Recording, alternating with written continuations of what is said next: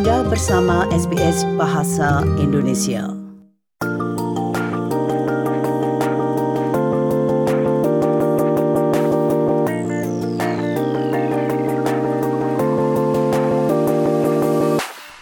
Memiliki pemahaman dan kemampuan dalam berbahasa Inggris dapat membantu Anda menjalani kehidupan di Australia dengan lebih baik.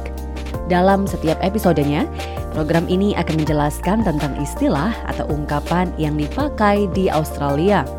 Anda akan dapat meningkatkan keterampilan bahasa Inggris dan belajar lebih banyak tentang Australia dengan cara yang menyenangkan.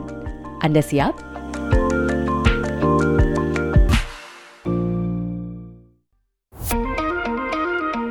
Learning English helps me to talk about crime.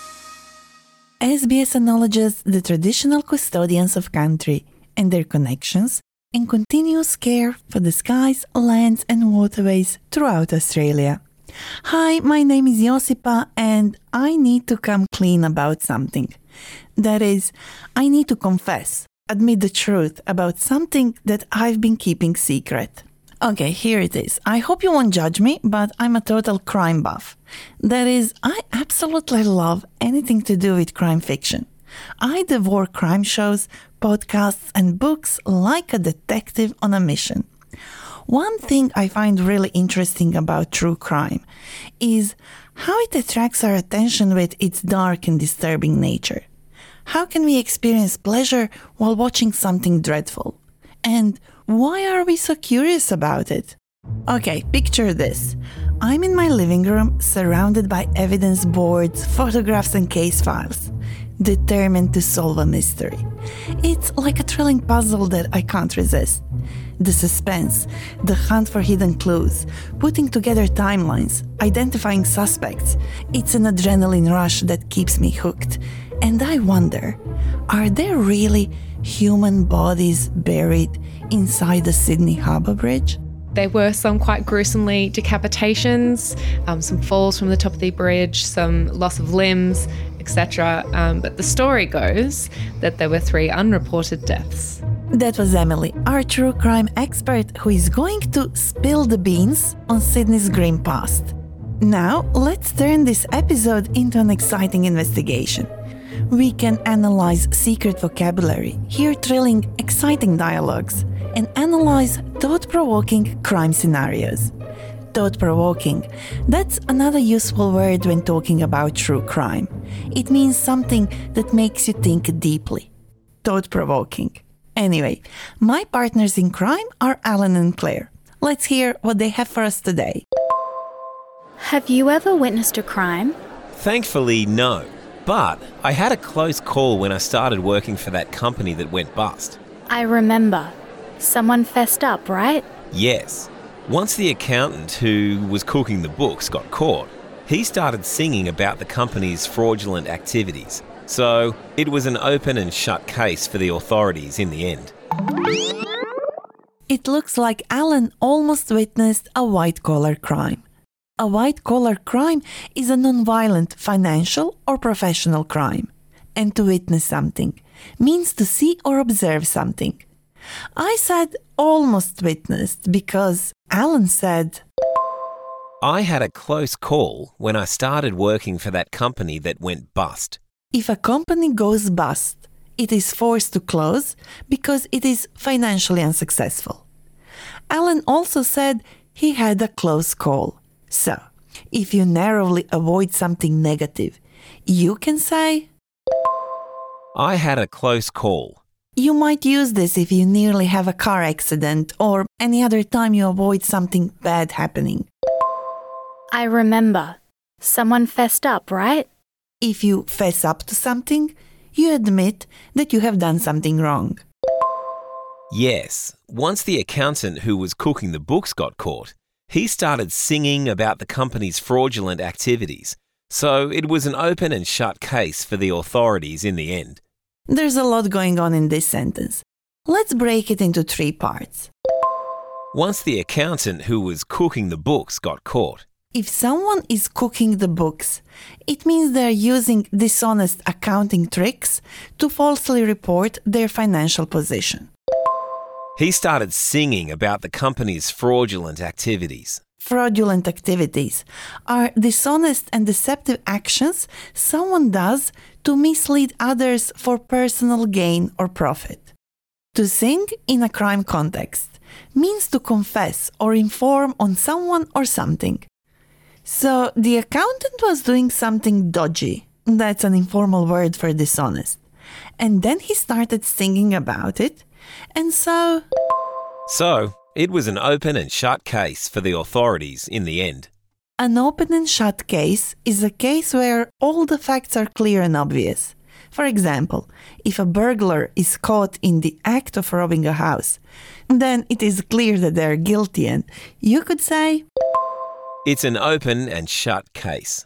From unsolved cases that have confused authorities for years, to high profile trials that have gripped the nation. True crime stories, well, they fascinate me.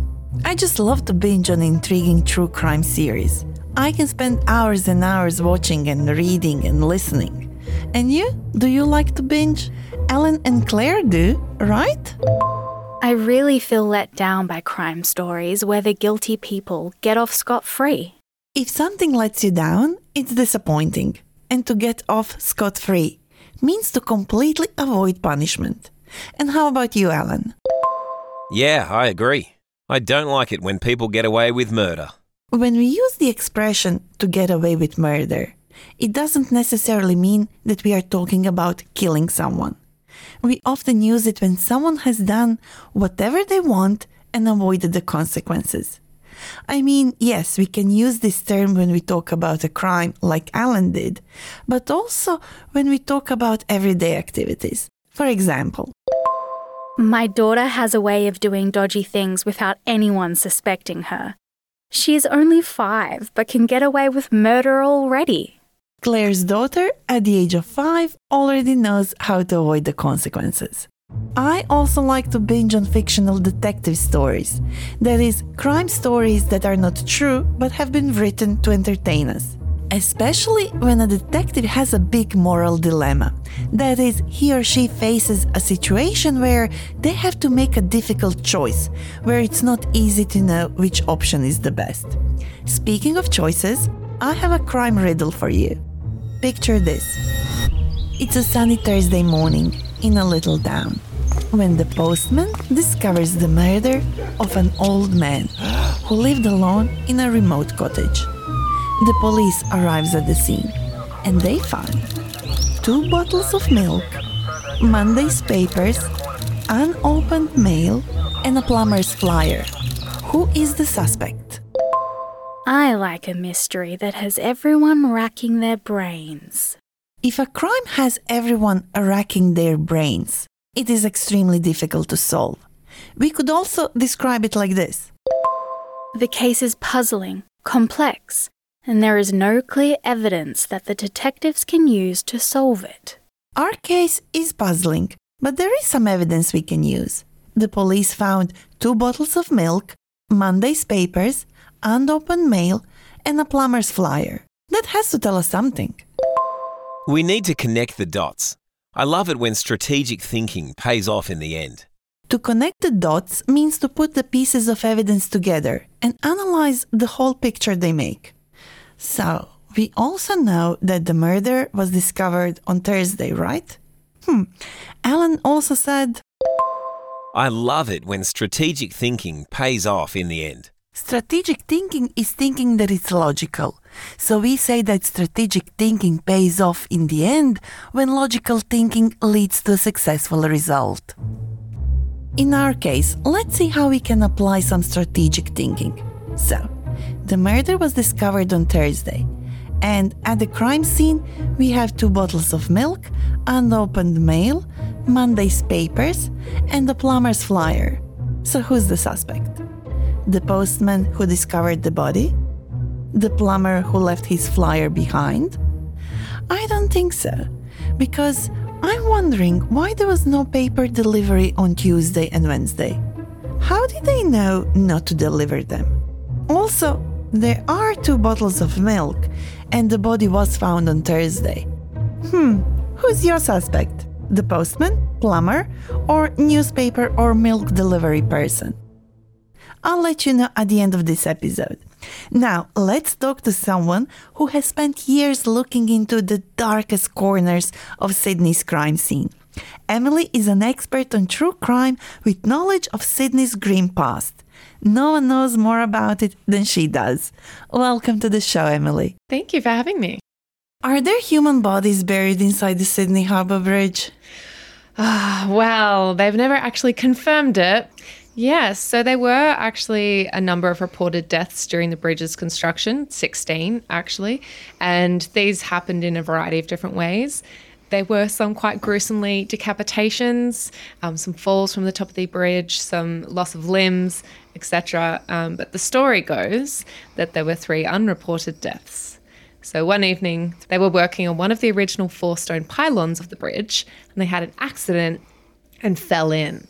Now, because they were homeless, they weren't noticed missing for several weeks. So by the time their bodies were found, it was deemed too difficult to retrieve them. So they remain entombed in the bridge to this day. And how did you become so knowledgeable about true crime from Sydney's past? So I uh, actually, the day that I moved to Sydney, I got a job for a true crime tour company. So as part of my job, I actually take groups of people around different locations in Sydney, and I tell them about the crimes that happened. Uh, the Rocks was really the first area that was built up in Sydney, so there was a lot of uh, pubs and some other establishments as well, which I might not name, uh, where lots of sailors would go. Um, and as you can imagine, a lot of drink. There was a lot of crime as a result of that. So lots of disappearances, lots of bodies being found in boxes. Uh, it was not really a great place to be for a while if you valued your health. So, when was this? This was really from when Sydney um, was first founded, so 1788, up until about the end of, well, the start of the 20th century. That was really when there were lots of gangs roaming about, particularly at the end of the 19th century and the t- start of the 20th. There was what was called the Rocks Push Gang, which was made up of larrikins, they were the male members, and donahs. And then the razor gangs came about after that. So, uh, yeah, there's quite a lot of crime. A lot of violence throughout those years. A lot, yes. Let's now practice useful phrases from this episode. See if you remember the meaning before hearing the answer. What does it mean when someone is cooking the books?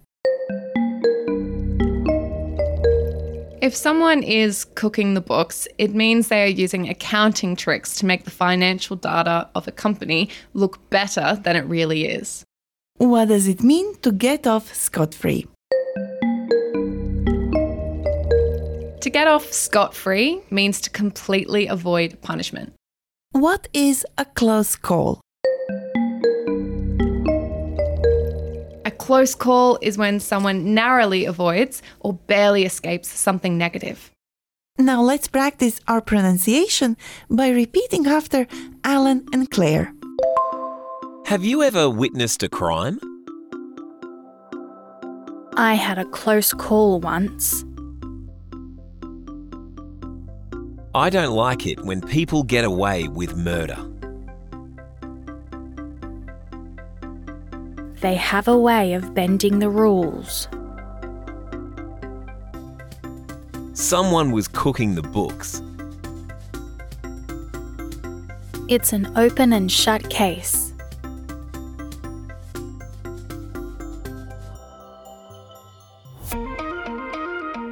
For more phrases, vocabulary, and learning notes, visit our website where you can test your listening and understanding skills with our quiz. And you know how I told you I'll reveal the answer from the crime riddle? Well, if you don't know the answer yet and you really want to know, you are going to have to check it out on our Facebook page. My bet is on the newspaper person, but who knows? Reach out. We are SBS Learn English. I'm Josipa. Thank you for learning English with me. Learning English can change your life. Subscribe so you don't miss an episode and visit our website for learning notes and transcripts.